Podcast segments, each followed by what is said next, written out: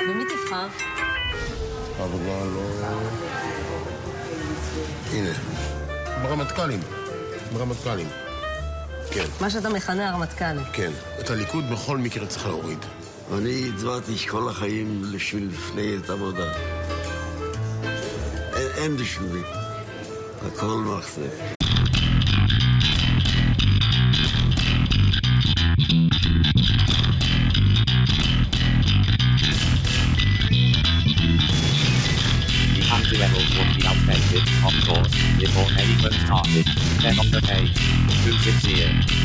Regret, backward, wait, naive, anachronistic. Maybe that'll be the point. Maybe that's why they need the next real level. Real level, as far as I can see, with disapproval.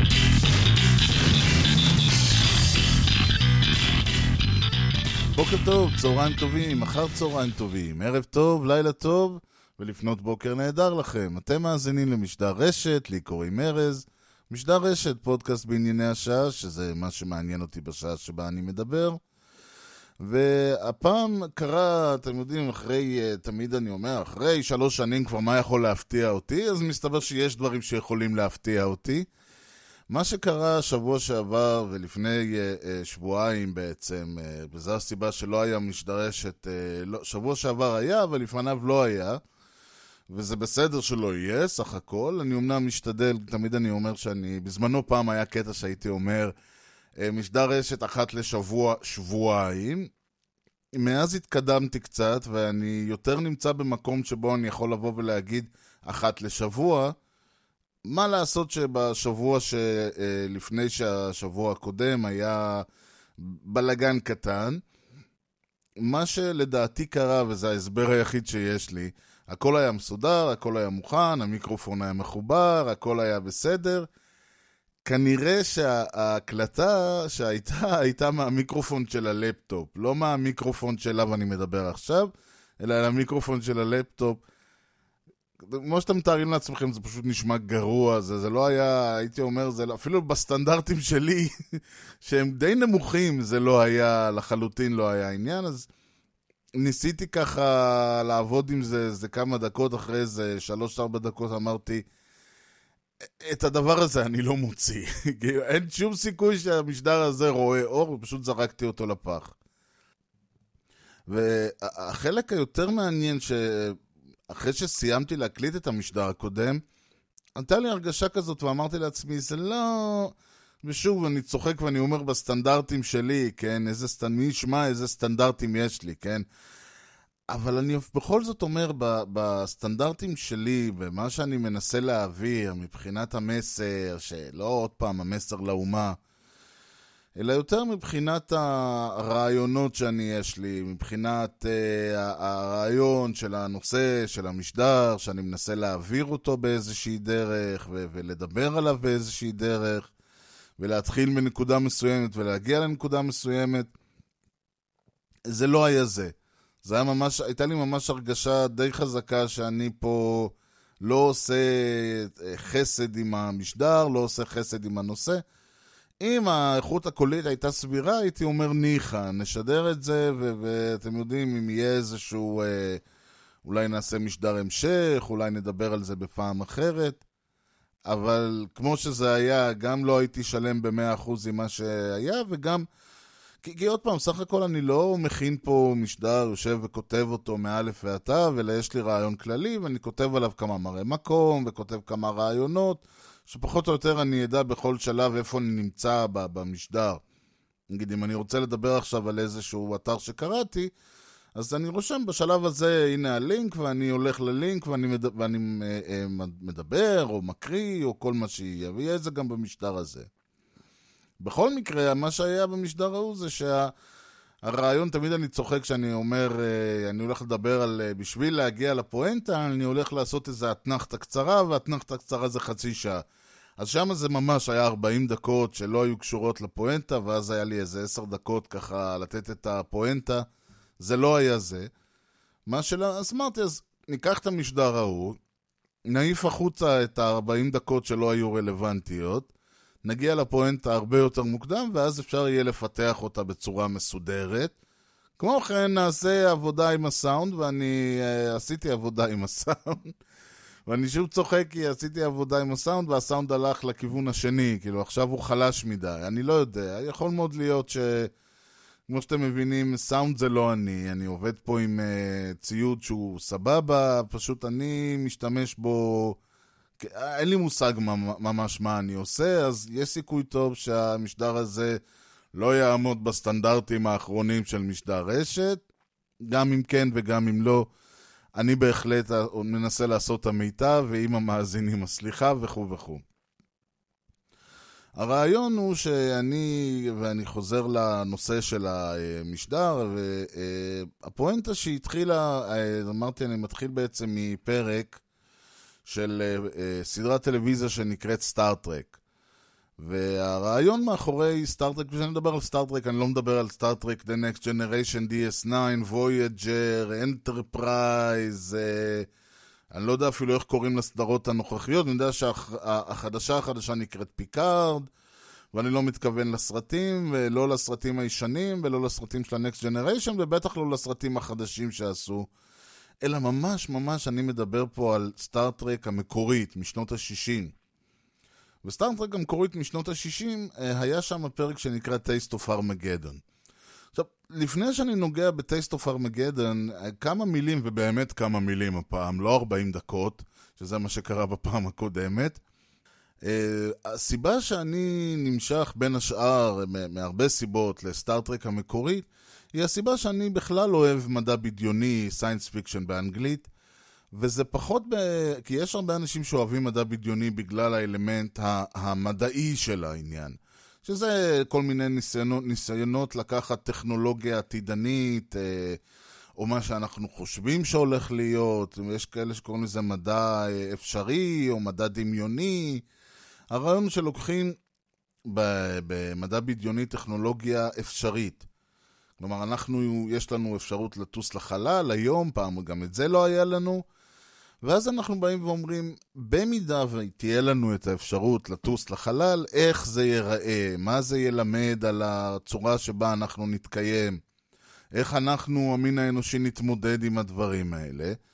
ויש כאלה שלוקחים את זה ממש לקיצוניות של אם תהיה טכנולוגיה עתידנית, אם יהיה טכנולוגיה שאנחנו נוכל להגיע, אז איך אנחנו נגדל צמחים על מאדים.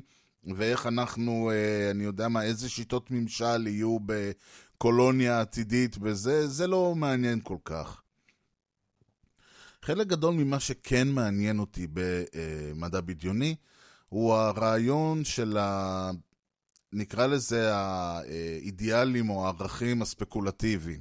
לצורך העניין, לא תרצח. לא תרצח זה משהו שקיים לא רק בעשרת הדיברות, אלא זה פחות או יותר הפשע הכי מחריד שקיים בכל הציוויליזציות, מאז שיש ציוויליזציות, ובטח אפילו לפני זה. אני מניח שאם אנחנו נלך לכל מיני שבטים אה, ציידים לקטים היום או לפני 20 אה, אלף שנה, אני מניח שגם שם הרצח לא בדיוק יתפרש בתור הדבר הכי ידידותי ונחמד וסבבה והכול, אלא סופו של דבר זה כן, זה הפשע הכי נורא שיש אה, למין האנושי. שוב, במגבלות מסוימות וכל זה. ואז השאלה נשאלת, האם, אה, מה יקרה בחברה שבה אה, רצח הוא לא פשע? האם בכלל יכול להיות דבר כזה? למה שאנשים לא יהרגו אחד את השני על הימין ושמאל? איך הם ישרדו? עכשיו, אי אפשר לדמיין את זה בעולם שלנו, אה, אפשר כמובן לדמיין את זה בעולם שלנו, אבל זה לא כל כך אפקטיבי מה עוד שאיפה תתקע את זה? אנחנו יודעים שבחברות, אה, כל החברות, עוד פעם, בטח ובטח ציוויליזציה, שלא לדבר על, שוב, אותן קבוצות של אה, שבטים וציידים לקטים ואנשי מערות וכל זה, אנחנו יודעים שהייתה לכולם בעיה עם, הרצ... עם, עם מוות בכלל ועם רצח בפרט. אז אי אפשר ממש להגיד את זה, אלא אם כן אנחנו הולכים פה על, אה, טוב, תדמיינו וכו' וכו', אבל למה לא באיזה כוכב אחר, באיזה גלקסיה אחרת, באיזה משהו? אפשר להביא סיפור ולספר אותו כאילו שאצלהם זה בסדר, אצלהם יש את העניין הזה, לא מפריע להם, כן מפריע להם. ואז החללית שלנו נוחתת על איזה כוכב שבו הרצח הוא לא, אה, או, הוא, הוא נגיד כמו גניבה, או, או כמו, אני לא יודע מה, שוד, או משהו שהוא פחות, אה, אני יודע מה, האיסור הכי גדול. הלא תרצח שם לא מופיע בעשרת הדיברות, או מה שזה לא יהיה. ואז אנחנו באים לחברה הזאת, ולצורך העניין נגיד שה... אחד מהאנשים שלנו רב שם עם מישהו אחר, והוא מוציא אה, מה שיש להם והורג אותו על המקום, ואז אנחנו באים ואומרים, רגע, רגע, רגע, מה, מה זה צריך להביע? ואומרים, לא, אצלנו זה בסדר. אז אני אומר, אבל אצלי זה לא בסדר. ואז נשאלת השאלה, איזה מהעולם הערכים קובע פה? האם קובע עולם הערכים של הבן אדם שפעל בתום לב ולא חשב שהוא עושה משהו רע, או שפועל עולם הערכים של ה, שלנו, שאצלנו אנחנו באים מכדור הארץ, וכדור הארץ זה הפשע הכי מחריד שיש. ואז נשאלת השאלה, אוקיי, ונגיד, מה אנחנו בעצם רוצים? אני רוצה צדק, נקמה? מה זה ייתן לי הצדק הזה? צדק על פי איזה עניין, ואם הם לא מסכימים, אז מה, אם יש לי זכות לבוא ולטבוח בהם, כי יש לי חללית ולחללית יש כלי נשק, אז בעצם מה השגתי בזה? אני עשיתי בדיוק את מה שהם עשו, רק שאני עשיתי את זה בשם איזשהו אידיאל, ואפשר וואלה לשחק עם זה חזור ושחק, ולפתח ולעשות. זה, זה בגדול הרעיון שאני חושב שאפשר אה, אה, להתחבר אליו במדע בדיוני, ולו רק בגלל הרעיון הזה שהמשחק שה, הזה עם אה, ציוויליזציות אחרות ו- וכוכבים ודברים, מאפשר לי, מאפשר לדמיון שלי ולרעיונות שאני רוצה להביא יותר מרווח ויותר מקום, אה, יותר מרווח משחק, מה שנקרא, ואני יכול להעביר אה, רעיונות וביקורות שבעולם שלנו יהיו בעייתיות קצת. וזה לא מאה אחוז נכון, יש אה, מה שנקרא אלטרנטיב, עתיד אלטרנטיבי, עבר אלטרנטיבי, היסטוריה אלטרנטיבית בכלל. שאפשר שם להגיד מה היה קורה אילו וזה. אבל גם אלה הרעיון הזה שהם מתארים משהו, מציאות שלא קיימת בעולם שלנו, ודרכה אפשר אולי ללמוד על המציאות שכן קיימת בעולם שלנו. אז אחד הפרקים האלה, וזה פרק, ואני פה הולך לוויקיפדיה, זה פרק מהעונה הראשונה של סטארט-טרק, ששודר ב-23 לפברואר 1967. ונקרא Taste of Armageddon, ואני לא הולך לתרגם אותו, כי המילה ארמגדון לא קיימת בשפה העברית, מה לעשות? כלומר, ניסו לתרגם אותה, לכל אחד שיגיד מה הוא חושב, יום הדין, המלחמה הסופית, כל מיני שטויות כאלה.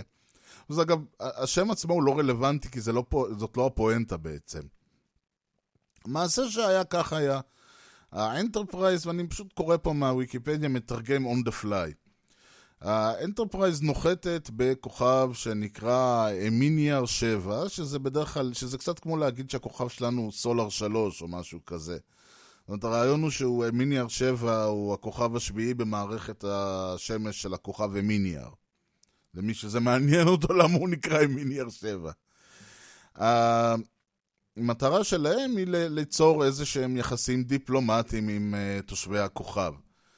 ומה שהם יודעים זה שהם ב, אה, הם, הם נמצאים במלחמה עם כוכב אה, שנמצא לידם שנקרא ונדיקר. למה ונדיקר לא נקרא אמיניאר 8 או אמיניאר 6 או משהו כזה, אני לא יודע, לא כזה חשוב. או יכול מאוד להיות שאמיניאר 7 נמצא במערכת שמש אחת וונדיקר במערכת שמש אחרת, גם לא כזה חשוב. אה, כשהם מתקרבים לכוכב ומקבלים הודעה שדורשת מהם לא להגיע, אבל הם מתקרבים, וטוב, זה ממש פה תיאור של אה, ככה play by play, זה לא כזה חשוב. הם פוגשים שם את הנציגים אה, של הכוכב, עכשיו זה קצת מאוד סטארט-טרק ירה. בכלל, יש בעיה במדע בדיוני. אתה מגיע לכוכב, עכשיו תחשבו שמישהו היה מגיע לכוכב כדור הארץ, ו- והם היו שם, מגיעים לאיזה, למנהטן, ושם הם היו פוגשים את, אה, אני לא יודע מה, מזכ"ל האו"ם. זה יופי, אבל הוא לא אה, ראש הכוכב שלנו, לא, ומנהטן היא לא כל כוכב אה, כדור הארץ.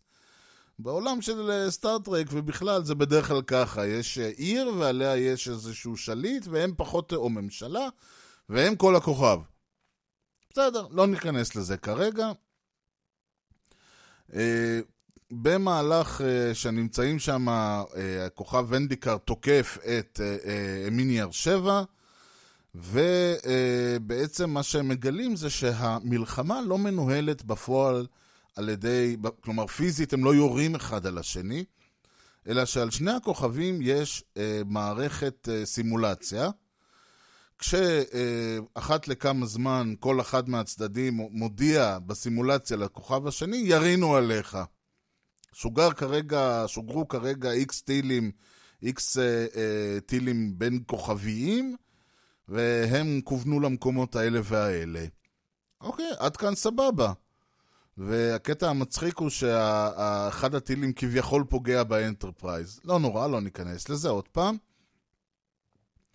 והרעיון פה, ואז הקטע היותר הזוי, זה שאחרי הפגיעה, אותו מחשב של אמיניאר 7 מחשב את הנזק שכביכול נגרם בסימולציה הזאת לכוכב, ואת כמות האנשים שנהרגו במתקפה שלהם, ואז כל אותם אנשים שכביכול נהרגו במתקפה על למיני R 7 מקבלים הוראה להתייצב בכל מיני תאים כאלה ולהתאבד. תאי התאבדות. אנשים עומדים, אתה רואה, עומדים שם בתור, נכנס בן אדם, יש כזה הבזק אור, הבן אדם הלך. נקסט. עכשיו, הם מסתכלים ואומרים, רגע, מה, מה, מה הפואנטה פה? ופה אה, הסיפור מתפתח, ויש איזשהו, אה, אה, איזושהי קצת אקשן, וקצת בלאגנים, וכל זה. זה כבר פחות חשוב. הרעיון הוא שה... השאלה שנשאלת אותה, נשאלת זה בעצם, למה אתם עושים את הדבר הזה? אז מה הם מסבירים? הם מסבירים שפעם המלחמה הייתה אמיתית. הם ממש ירו אחד על השני. הם ממש ירו ו- ו- והיה הרס, ולקח להם שנים לבנות, וכל פעם שהם בנו אז בא עוד טיל, והמלחמה ממש, כלומר, היא גם עלתה להם בחיי אדם, אבל היא גם עלתה להם ברכוש. והנזק וה, שנעשה גרם כמובן לעוני, ולמחלות, ולצער, ולכל הדברים האלה שהם מנסים למנוע בעצם, הם מנסים לשפר, לא לפגוע בכוכב, בכוכב שלהם ובכוכב השני עצמו, אלא מה שהם מנסים לעשות זה למצוא דרך, המלחמה עדיין ממשיכה, אבל הם מנסים למנוע את, ה, את ההשלכות שלה.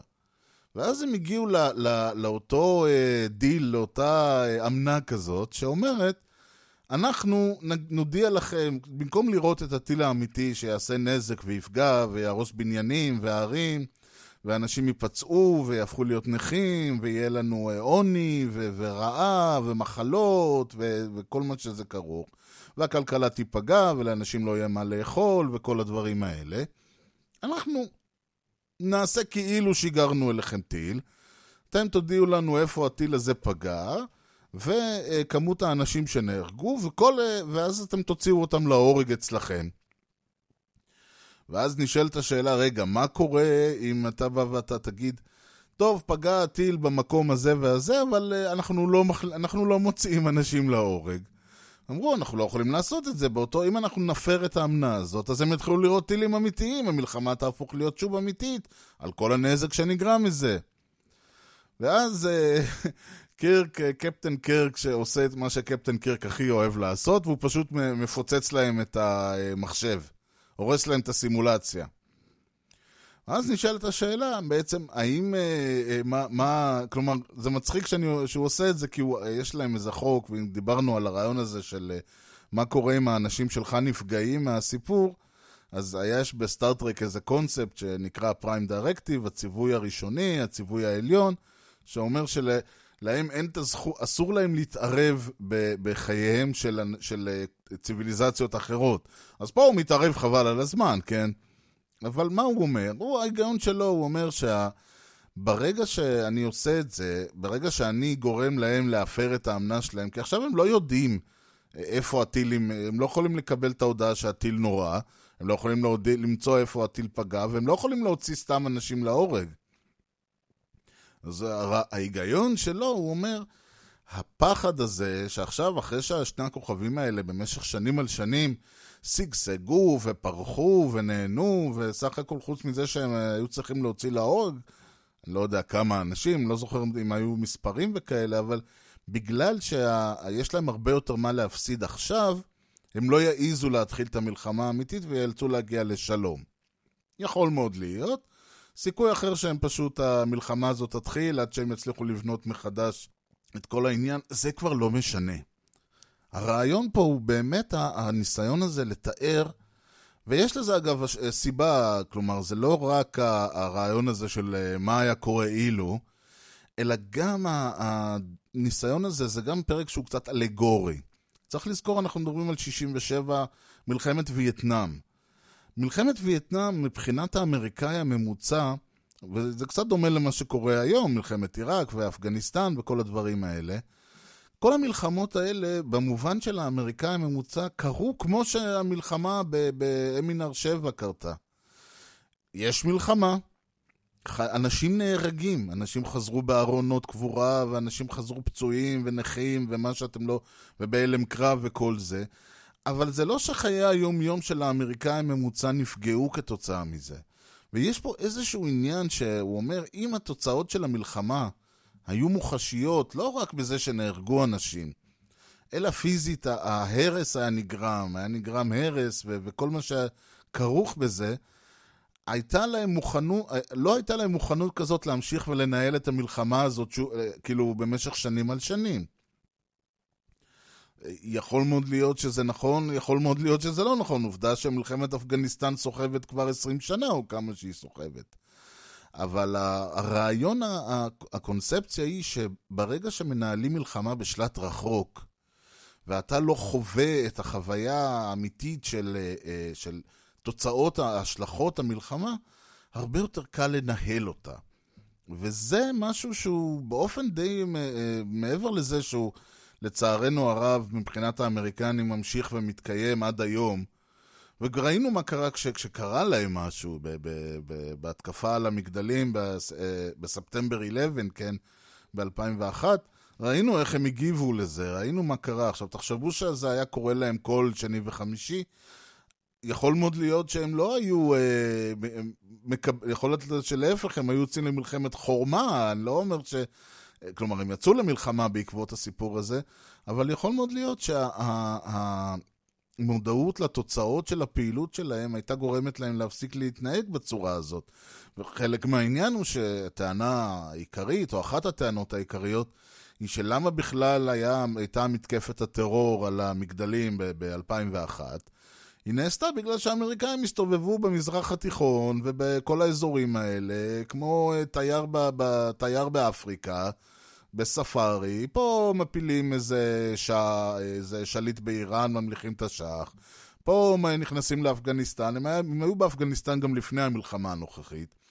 פה רבים עם הסורים, עם הרוסים בזה, פה מחמשים את הישראלים מול הסורים. פה, זאת אומרת, הם הסתובבו בעולם כאילו כמו בספארי, בידיעה ששום דבר לא יפגע בהם אישית. שום דבר לא יזיז להם, לאמריקאים, כי הם נמצאים להם שם על האי הענק הזה שלהם, יבשת אמריקה הצפונית, ואף אחד לא יכול להתקרב אליהם, עד שבום יום אחד מישהו כן יתקרב אליהם. כלומר, זה היה חלק מהרעיון, מה קרה שם ב-9-11. הרעיון הזה להמחיש להם שלמעשים שלהם יש השלכות. אז זה מבחינת האמריקאים, אבל מה זה קשור אלינו? הרי אנחנו חיים פה במדינת ישראל, מדינה קטנה מוקפת אויבים, וחשים יום-יום את הדברים. אז לא, זה לא מאה אחוז נכון. ויש פה מאמר שאני, האמת היא זה מצחיק, זה נשלח אליי איזה יום אחד מאימא שלי בוואטסאפ, זה, היא פשוט ראתה את זה ואמרה מיד שלחה לי אותו. וזה מאמר מ-19 לספטמבר, 19 לנובמבר 2019, מידיעות אחרונות, כתב אותו אדם בשם אסף מונד. אני לא מכיר אותו, אין לי מושג מה הוא כתב, אבל uh, הוא נקרא מה שכיפת ברזל מסתירה. הוא יכול להיות מה שכיפת? לא, מה שכיפת ברזל מסתירה. והוא מתחיל ומספר, בשנת 2009, אני אשתדל לא להקריא את כל המאמר, למרות שהוא די קצר. אבל uh, חשוב uh, ככה לראות את התהליך שאיך שהוא בונה את הטיעון שלו. בשנת 2009 קיבל הממשל של הנשיא האמריקאי ברק אובמה החלטה לבטל את מדיניות הצנזורה על פרסום תמונות של ארונות מתים של חיילים בשנה, בעת הגעתם לארצות הברית, מאפגניסטן או מעיראק. מדיניות זו התקיימה במשך 18 שנה, מאז מלחמת המפרץ הראשונה, זה 1991. ובוטלה בעקבות הביקורת ההולכת וגוברת נגדה. היא נועדה למנוע פגיעה במורל הלאומי, אולם הואשמה בכך שהיא מסתירה מהציבור האמריקאי את מחיר המלחמה. עכשיו זה מעניין מה שהוא מספר פה, כי באופן די מוזר זה מתכתב ישירות עם כל מה שאני דיברתי עליו ב-Taste of Armageddon. אמרנו שהמלחמות של ארצות הברית בווייטנאם, בקוריאה, ומאוחר יותר אפגניסטן, ובכלל כל ההסתובבויות שלהם במזרח התיכון, שלא לדבר על uh, מלחמת המפרץ הראשונה, היו, כמו שאמרתי, הייתה מלחמה בשלט רחוק. יותר, אבל בכל זאת אנשים נהרגו, אנשים, חיילים נהרגו, אז הם אמרו, אי אפשר ל- ל- להסתיר את זה שאדם נהרג, מה שאפשר להסתיר זה את ההגעה של הארון שלו. אם אנחנו נסתיר מהאזרחי מה, אה, אה, המדינה את הארון קבורה שמגיע, אנחנו נמנע מהם את המראה הזה, ואז כל מה שנשאר זה רק הידיעה של משפחה כזו או אחרת שנהרג להם מישהו. והוא מדבר פה קצת על צנזורה צבאית, אני דיברתי על זה במשדרי עבר. הצנזורה הצבאית בישראל לא מתיימרת להסתיר, להסתיר מהציבור מקרי מוות של אזרחים או של חיילים. אה, עם זאת, בישראל פועלת בהצלחה רבה צנזורה מנטלית על מקרי מוות במלחמה, כיפת ברזל. וזה מעניין. אני אומר, סוללות כיפת ברזל, כמו, אגב, אני יודע שאני מקריא את זה בניגוד לכל כללי הטקס, אני צריך להמשיך להגיד quote, ואני צריך לעצור, end quote וזה. אני מניח שאם מישהו אה, מאזין למשדר רשת, הוא כבר הבין את הנושא הזה, ואני מתנצל מראש. נחזור, ל, אה, נחזור לאסף מונד.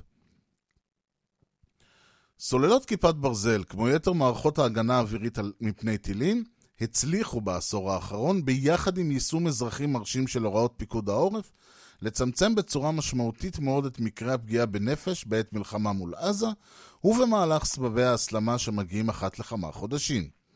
כך נוצר מצב, כפי שקרה בסבב האחרון, ואגב, יש טענה שאומרת שבכלל כיפת ברזל לא ממש מיירטת את הטילים, אלא היא פחות או יותר מפוצצת, פוגעת, כלומר, הנזק, הטילים נופלים, רוב הסיבה שלא נגרם נזק בחיים הוא בגלל, כמו שהוא אמר פה, אה, אה, יישום אזרחי מרשים של הוראות פיקוד העורף, והעובדה שהטילים האלה, הרקטות האלה, יש לומר, הם לא הדבר הכי מדויק. אבל אה, גם אם כיפת ברזל עושה את עבודתה נאמנה, זה אה, כך או כך, זה, התוצאה היא שכמו שהוא כותב, אני חוזר למאמר, לצד פגיעה ברכוש ולצד נפגעי חרדה, לא נרשמה כל פגיעה משמעותית בגופם של התושבים בעורף הישראלי, ולא היה אף מקרה מוות, חרף העובדה שמאות טילים נורו מכיוון עזה, אז הוא לא מדבר, סליחה, הוא לא מדבר על, אה, אה על אה, צוק איתן, הוא מדבר על משהו שקרה אחרי כנראה. לא חשוב, נמשיך. בכל מקרה, גם בצוק איתן לא נהרגו, אה, אה, נהרגו מעט מאוד, שוב, לא שאני מקל עין בהרג של אדם, אבל הרעיון הוא שההרוגים בקרב, בצד הישראלי הם, אה, שוב, בטח בהשוואה למה שקורה בצד השני, הם אה, אה, אפסיים. ושוב, אני מתנצל שאני אומר את זה, אבל הפואנטה פה היא לא שחיי אדם כזה או אחר חשובים יותר או פחות, הפואנטה היא מספרית. והוא ממשיך. כיפת ברזל היא צנזורה מנטלית על מוות. שכן היא איננה מסתירה את עצם קיומם של מקרי מוות במהלך לחימה, אלא מונעת את התרחשותם. עם זאת, ועל אף שמדובר בהמצאה מבורכת, שכן כל מניעה של פגיעה, אדם, פגיעה בחיי אדם היא מבורכת, היא עדיין מתפקדת הלכה למעשה כצנזורה, משום שבהצלחתה המבצעית היא מסתירה מתושבי ישראל את מחיר המלחמה ומאפשרת את המשכה. ואני ממשיך, כלומר, הוא ממשיך, המחיר של הסכסוך האלים בין ישראל לפלסטינים גבוה מאוד, ומייצר דורות על גבי דורות של ישראלים שחשופים לסכנה פיזית בעת שירותם הצבאי או בעורף ולחרדות קיומיות. הוא מייצר כלכלה ותרבות שמכוונות לתעשיית המלחמה ולא לתעשיית השלום, וחוסר הסימטריה הטכנולוגית של הסכסוך מייצרת פגיעה קשה מאוד בגופם, בנפשם וברכושם של מיליוני פלסטינים שחיים תחת כיבוש ישראלי. פגיעה שגם היא רק מלבה את הסכסוך המדמם הזה. היותה של כיפת ברזל צנזורה מנטלית אין משמע שיש להפסיק להשתמש בה, אבל כאשר חוגגים את הישגיה ונהנים מהצלחותיה, אה, חשוב להציף אל השיח הציבורי את שהיא מסתירה. למלחמה יש מחיר כבד. זה בשביל לי חשוב ככה להגיע לפואנטה שלו, אבל מה שהיה חשוב, מבחינתי אפשר היה לעצור אחרי המשפט בהצלחתה המבצעית היא מסתירה מתושבי ישראל את מחיר המלחמה ומאפשרת את המשכה. במובן הזה, כאילו שאנחנו, למרות שאנחנו נמצאים מטר, כלומר, מה זה מטר? אם תשוו את היחס בין, עוד פעם, ארצות הברית לאפגניסטן, לעומת ההבדל בין ישראלי שחי, ולא משנה אם הוא חי במטולה, וקצת במטולה יש להם סיפורים אחרים, כן? להם את החיזבאללה על הראש וכל זה, אבל תחשבו, ו- ובחיפה כבר היה, ותכף נדבר על זה. אבל תשוו את היחס בין ישראלי שחי, לא משנה איפה, באילת, או, או, או בירושלים, או בתל אביב, או בחיפה, או איפה שהוא לא יחיה, לבין אה, עזה לצורך העניין. זה, זה מטר בהשוואה ליחס בין הברית לאפגניסטן. ולא משנה מאיזה כיוון אתם מסתכלים על המפה. הרעיון הוא שאנחנו מצליחים, בזכות כיפת ברזל, הצלחנו להמשיך לנהל את המלחמה כאילו היא אה, מלחמה בשלט רחוק. וכת, וכתוצאה מזה אנחנו לא צריכים אה, למצוא פתרון, אנחנו לא צריכים להרגיש כאילו אנחנו חייבים אה, אה, לפתור את העניין. אין צורך אה, אקוטי של, ה- ולא כמה אה, קריאה לעשות משהו, כמו שקרתה במלחמת לבנון הראשונה, כמו שקרתה במלחמת וייטנאם. אלא הרעיון פה הוא בעצם שאנחנו באים ואומרים, יש לנו מלחמה בשלט רחוק, אפשר להמשיך, כמו שאומרים אצלנו, לנהל את הסכסוך. אם אנשים מתים פה על ימין ועל שמאל, אי אפשר לנהל סכסוך. אי אפשר לי, לעצור את זה. כאילו הגענו למצב שבו נמנע ההרס של כל המדינה, המדינה במל, במלחמות, וגם נמנע הרג של אנשים. זאת אומרת, הצלחנו להתקדם עוד צעד מטייסט אוף ארמגדן, ואצלנו גם האנשים לא מתים מאז שהם אה, אה, קורה. ואז, שוב, לא שאני רוצה שאנשים ימותו, אל תבינו אותי לא נכון, אבל השאלה המעניינת היא, באמת, מה קורה לנו כשהמלחמה מתנהלת בשלט רחוק, ובאופן הזוי כשהיא מתנהלת אצלנו בחצר האחורית? אז דבר ראשון, אנחנו, כמו שהוא אומר, אנחנו לא ממש יודעים מה קורה אצלנו. ו- ויותר קל לנו להתעלם ממה שקורה ולנהל את הסכסוך, כמו שאומרים. אבל הבעיה השנייה קורית, מה קורה שבכל זאת משהו נוגע בנו. אחד הדברים שאנשים מדברים עליו עכשיו, אה, ובכלל, זה טרור הבלונים. עכשיו אני אומר, בהשוואה ל- לסכנה קיומית, בהשוואה לטילים שעפים, בהשוואה לזה שאנשים יכולים להיהרג, זה שעף בלון עם איזה... ושורף איזה... ושוב, אני לא מקל ראש ב... ב... אדם שחי בעוטף עזה וצריך להתעורר ולגלות שהשדה או חס וחלילה הבית שלו נשרף. אבל זה, אתם יודעים, אם מדברים על זה שטרור לא מהווה סכנה קיומית, זה אפילו לא מהווה סכנה על חיי אדם, העפיפון או הבלון עם, הדבר, עם אה, קצת אש וקצת זה. ובכל זאת, הייצוג של זה בתקשורת, הצור, הצורה שבה בנט לפני שנהיה שר אה, אה, ביטחון, איך שהוא דיבר על זה, שהוא לא יהיה זה, על כל בלון אנחנו נוריד בן אדם, או מה שהוא לא אמר שם. אני לא מתיימר לטעון שזה מה שהוא אמר, אבל תחשבו, הרטוריקה שלו הייתה מאוד אגרסיבית, מאוד מיליטריסטית, ש, שחייבים תגובה ציונית הולמת לעובדה שהאנשים האלה מעלים בלון וקושרים עליו, אה, ו, ומעלים בלון עם איזה משהו ששורף איזה שדה. זה, הרעיון פה זה שבגלל שהאיום הופך להיות אה, לא פרופורציונלי מבחינת מה שקורה אה, אצלנו, מבחינת זה שהמלחמה היא בשלט רחוק, אז כל רגע שמישהו מצליח ככה לחדור את ה... אה, לחדור ככה את, ה, את הפסאדה הזאת של המלחמה בשלט רחוק, זה מקפיץ אותנו. זה מאוד מקפיץ אותנו, וזה גורם לעובדה ששוב, בכלל אחד הדברים שמדברים עליו בטרור, וחשוב להדגיש שוב ושוב, הרעיון של טרור, מי עושה טרור? עושה מישהו שלא יכול להוות איום קיומי על מדינה אחרת. הטליבן לצורך העניין, אל-קאעידה, הטליבן, דאעש וכל אלה, לא מהווים איום קיומי על ארצות הברית. לא מהווים, גם כי הם נמצאים בצד השני של העולם מבחינת האמריקנים, וגם אם הם מחר יעלו על ספינות ויתחילו לשוט, הם לא יגיעו לחופי ארצות הברית, האמריקאים יורידו אותם בדרך. מה לעשות, לאמריקאים יש את הצבא הכי uh, טוב בעולם. ואני יודע שאנחנו אוהבים להגיד שלישראל יש את הצבא הכי טוב בעולם. כל הצבא הישראלי הוא בערך יחידה אחת אצל האמריקאים. יש להם יותר כוח אדם, יותר כסף, יותר נשק, יש להם את הנשק הכי חדש. בסופו של דבר, אולי, אולי לנו יש את הקצינים או את החיילים הכי טובים, אני לא נכנס לזה, אבל האמריקאים בסופו של דבר יכולים, לנצ... יכולים בעצמם להילחם נגד כל העולם ולנצח צבאית. ולכן, ה- ה- במובן הזה, אל- אל-קאעידה מעולם לא היווה איום קיומי על האמריקאים. מה הם יכולים לעשות? הם יכולים להכניס מטוס לאחד המגדלים שם ולעשות נזק ש- שיפגע באמריקאים בצורה כזאת, כי הם אומרים, ושוב, לא משנה שנהרגו שלושת אלפים איש, אה, אה, ו- וביחס ל-300 מיליון, תחשבו כמה זה באחוזים. אני עוד פעם, אני לא בא להגיד פה ש, אה, אה, שצריך להרוג 100 אלף איש כדי ש, לה- להצדיק איזושהי פעולה. אני לא אומר שלהרוג בן אדם אחד, אה, אתם יודעים, מלחמת העולם הראשונה התחילה בגלל שהתנגשו בחייו של אדם אחד. זה לא, לא משנה שהוא היה אה, יורש העצר האוסטרו-הונגרי, אבל הרעיון הוא, אין פה עניין של כמה אנשים צריך להרוג כדי שזה יהיה איום קיומי, כדי שזאת תהיה הכרזת מלחמה. הרעיון, ואני למשל, תספרו כמה אנשים נהרגו בפרל הרבור למשל.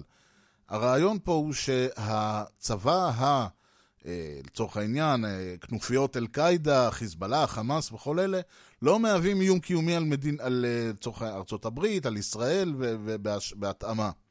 בשביל זה הם צריכים לעשות טרור. זה שאדם מתפוצץ בדיזיטגוף, אה, הורג, כמות מסוימת של אנשים, זה מחריד, זה כואב, אני לא מזלזל בזה, ואני חוזר על זה שוב ושוב, כי חשוב לי להדגיש את זה שאני לא מזלזל בזה.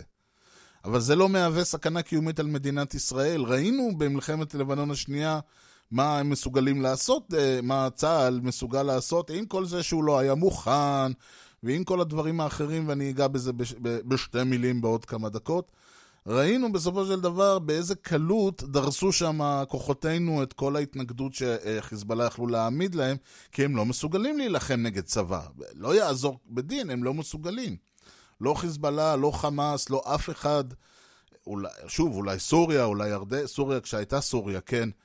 ירדן, מצרים ניסו ולא הצליחו, אז על אחת כמה וכמה אה, ארגונים אה, שהיכולת הצבאית שלהם היא בהשוואה ליכולת של צה"ל או של צבא ארצות הברית בכלל היא בדיחה.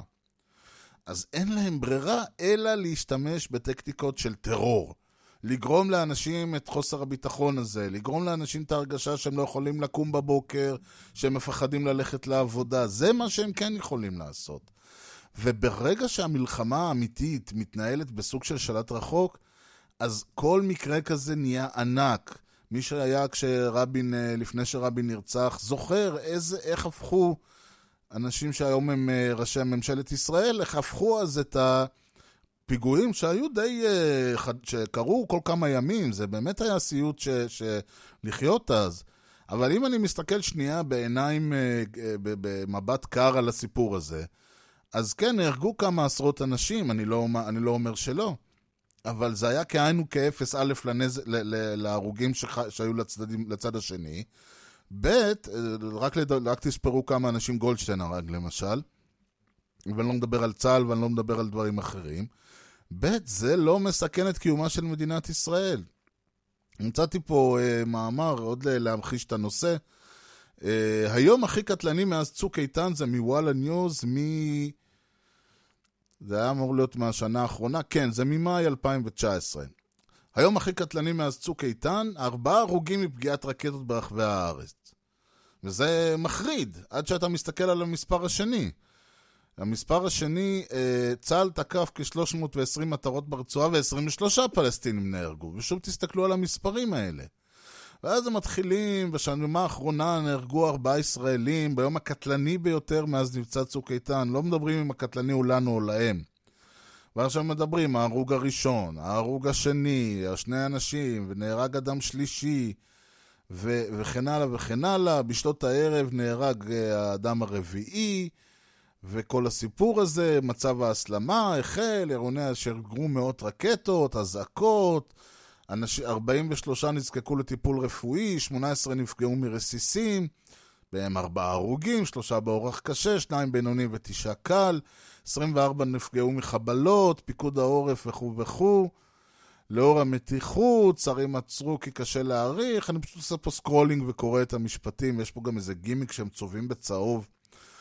זה היה אחרי שהרגו את אה, חמד אל-חדרי. אה, לראשונה מהסוג איתן ביצע כלי טיס של חיל האוויר סיכול ממוקד, שהם הרגו את אה, חמאס אל-חדרי, סליחה, את חמד אל-חדרי, בכיר חמאס, והיו שם גם פעילי ג'יהאד איסלאמי, אישה בחודש התשיעי להריונה, וכו' וכו', ויש פה תמונות והרס.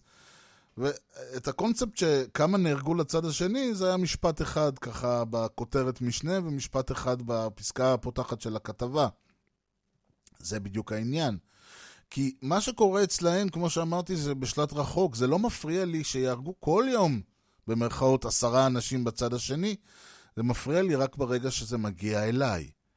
ופה בדיוק העניין, כשאתה אומר על... ואני... יגידו לי, מה, זה, זה מדינה שלך או מדינה שלהם וכל הדברים האלה. אבל זה בדיוק הרעיון, כי כשאני אומר, אנחנו מנהלים את הסכסוך, לאיזה סכסוך אני מתכוון? הסכסוך ש... כי כל עוד זה קורה, לא קורה אצלנו, יחסית מאוד קל לנהל את הסכסוך הזה. כל עוד זה קורה בצד השני, הם לא רוצים לנהל שום סכסוך, מבחינתם המלחמה ממשיכה, ואם המלחמה הזאת הייתה, לא הייתה חד צדדית, אלא הייתה דו צדדית, אם לא היה לנו כיפת ברזל, ואם לא היה לנו את כל הדברים, יכול מאוד להיות שהיינו חותרים יותר להגיע לאיזשהו אה, הסכם, לפתור את הבעיה. לדוגמה, בואו ניקח את מה שקרה במלחמת לבנון השנייה. מלחמת, נדמה לי 2006, אם אני זוכר נכון. אז דבר ראשון שלמדנו במלחמת לבנון השנייה, היא למה רמטכ"ל אה, שבא מחיל האוויר זה a big no-no, כאילו. מה האסון ברמטכ"ל שבא מחיל האוויר? מסתבר שכל הבדיחות על זה שהם רואים את המלחמה מהמטוס ואין להם מושג והם לא מחוברים והם לא יודעים, הכל היה נכון. פשוט הבן אדם האחרון שהיית, שהיה צריך לנהל מלחמה זה, זה דן חלוץ. וזה לא אשמתו, הוא פשוט טייס. הוא לא אה, איש שריון, הוא לא איש אה, חיל רגלים, הוא לא בא מגולני, הוא לא בא מצנחנים, הוא לא בא משום דבר. לא בא מהנחל, הוא בא מהמטוס. זה מה שהוא יודע. וככה המלחמה התנהלה. ואז, אבל יותר מזה, מה שקרה, זה שבאותו רגע, אחרי שהמלחמה התחילה, התחילו לעוף המון המון טילים לכיוון מדינת ישראל. עכשיו, לצה"ל יש טול.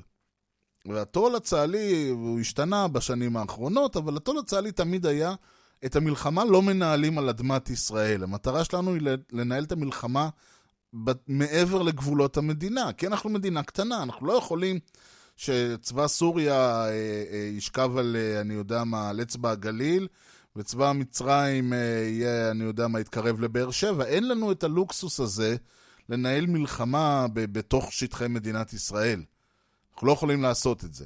יותר אולי, אה, זה לא משנה שאף מדינה לא רוצה אה, צבא בשטחה, אבל בסופו של דבר ייקח לצור, לגרמנים או לספרדים או מי שזה לא יהיה הרבה מאוד זמן עד שהם יגיעו לפריז.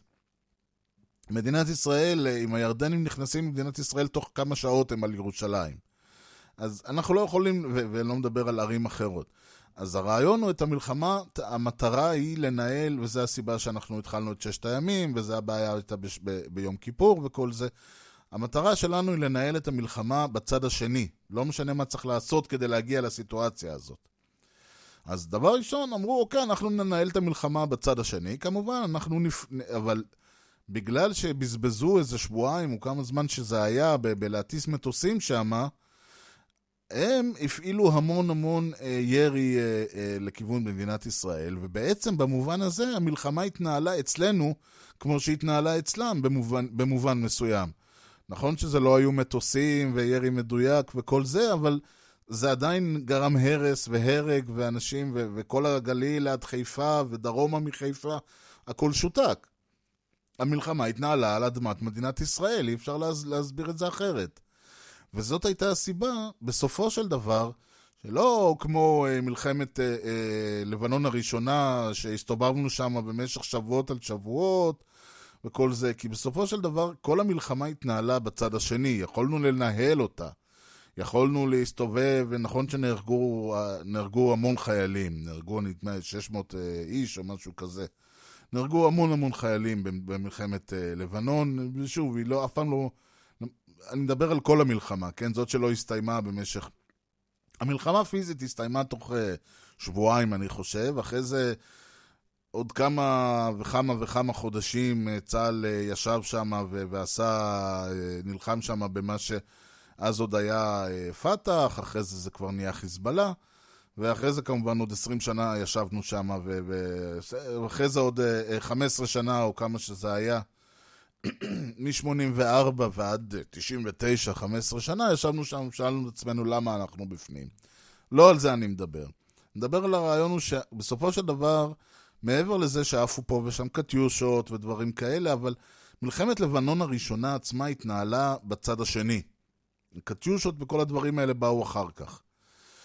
באותה מידה, אה, אה, מלחמת לבנון השנייה התנהלה, מבחינת העם היושב בציון, התנהלה בצד שלנו כמו שהתנהלה בצד השני, ולכן לא היה, לכן היה ניסיון מהר מאוד להגיע לאיזושהי חתירה להפסקת אש.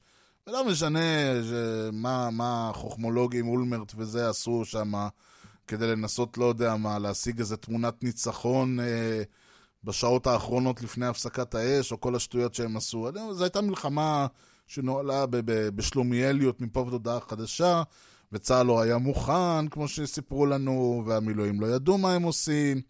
ובכל זאת ראינו שבסופו של דבר, כשזה מגיע לעימות צבאי, אנחנו הרבה יותר חזקים מהצד השני. והסיבה שלא מחקנו לחלוטין את החיזבאללה, אם זה אפשרי, ולא הגענו עד הבונקר של נסראללה וכל זה, הייתה לא בגלל שלא יכולנו, יכולנו להמשיך להסתובב בלבנון עוד חודשים. הבעיה הייתה שההסתובבות שלנו בלבנון עלתה לנו, לצד הישראלי, עלתה לנו בהרס ובהרג ובהרבה מאוד נזק שנעשה לנו. והתוצאה הייתה שאנחנו לא יכולנו להמשיך לנהל את המלחמה הזאת בסבבה שלנו, לנהל את הסכסוך, להמשיך לשרות שם כאילו זה הבית שלנו. לא יכולנו. וזה בדיוק ההבדל, ואני אומר עוד פעם, זה, זה תיאור מאוד שטחי, ואני מניח שהרבה אנשים שחיו אז, חיו, חיים עד היום, כן, אבל נדבר אנשים שלא נולדו, לא, לא היו בני חמש, אלא היו אה, בני עשרים ושלושים וכן הלאה, וזוכרים טוב את המלחמה הזאת במבט בוגר, יגידו לי, תשמע, זה לא מאה אחוז ממה שאתה מתאר, והיו ככה, והיו ככה, והיו ככה. הרעיון הכללי הוא שכל עוד המלחמה מנוהלת בשלט רחוק, כל עוד המלחמה מנוהלת כשאנחנו לא ממש מרגישים את התוצאות שלה, וזה טוב שאנחנו לא מרגישים את התוצאות שלה, עבדנו קשה מאוד, 70 שנה עבדנו כדי להביא את מדינת ישראל למצב שבו לא רק uh, החיזבאללה וחמאס לא מהווים איום, אלא כמעט שום דבר מסביבנו לא מהווה איום קיומי על מדינת ישראל. יש שלום עם מצרים, יש שלום עם ירדן, סוריה כבר לא קיימת, אה, עכשיו הם קצת משתקמים, אבל היא לא ממש קיימת כאיום, לבנון אף פעם לא הייתה איום.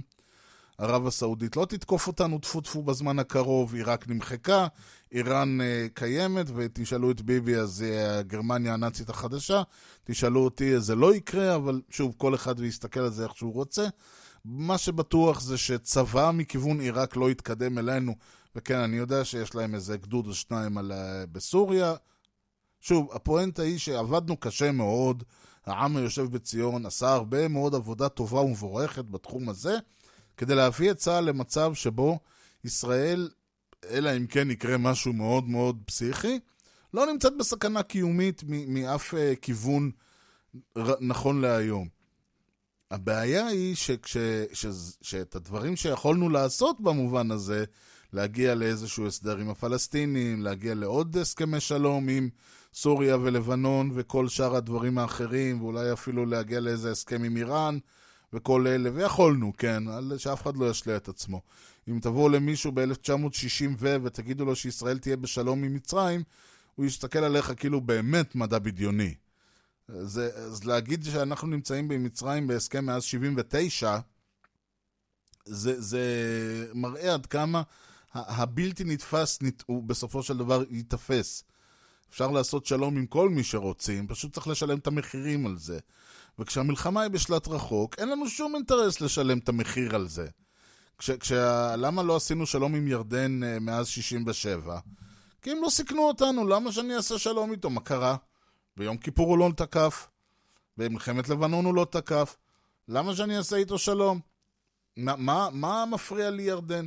עד שבא מישהו ואמר, רגע, זה קצת לא לעניין שאנחנו נמצאים עם מדינה כזאת לידינו, ולא סוגרים את ההסכם שלום, לא הופכים את זה לרשמי, שאפשר יהיה... ש, שעצם זה שנמצאים לידינו ולא תוקפים אותנו, גם נרוויח מזה כמה דברים, קצת סחר, קצת תיירות, כל הדברים האחרים. אז זה היה הרעיון שבעצם קידם את הנושא הזה, כי ברגע שאין לנו איום, ואתם יודעים, יהודים מבינים רק כוח, ברגע שהמלחמה היא בשלט רחוק, ברגע שהמלחמה היא, היא קורית, אבל אנחנו לא מרגישים אותה, וזה לא משנה אם היא נגד צבא, או אם נגד אה, אזרחים, או אם נגד אה, טרוריסטים, או נגד מי שזה יהיה. אם כל עוד היא נמצאת לידינו, ואנחנו לא מרגישים אותה, אז כשאנחנו מרגישים אותה, הנטייה היא מאוד מאוד מאוד להקצין את המצב ולהציג אותו כאילו אוי ואבוי ואבוי. ומצד שני, יש לנו נטייה להתעלם מאוד ממה שקורה בצד השני ולשכוח שבסופו של דבר זה לא ניהול הסכסוך, אלא זאת מלחמה, ואנחנו צד במלחמה הזאת, גם אם זה לא נראה לנו ביום-יום.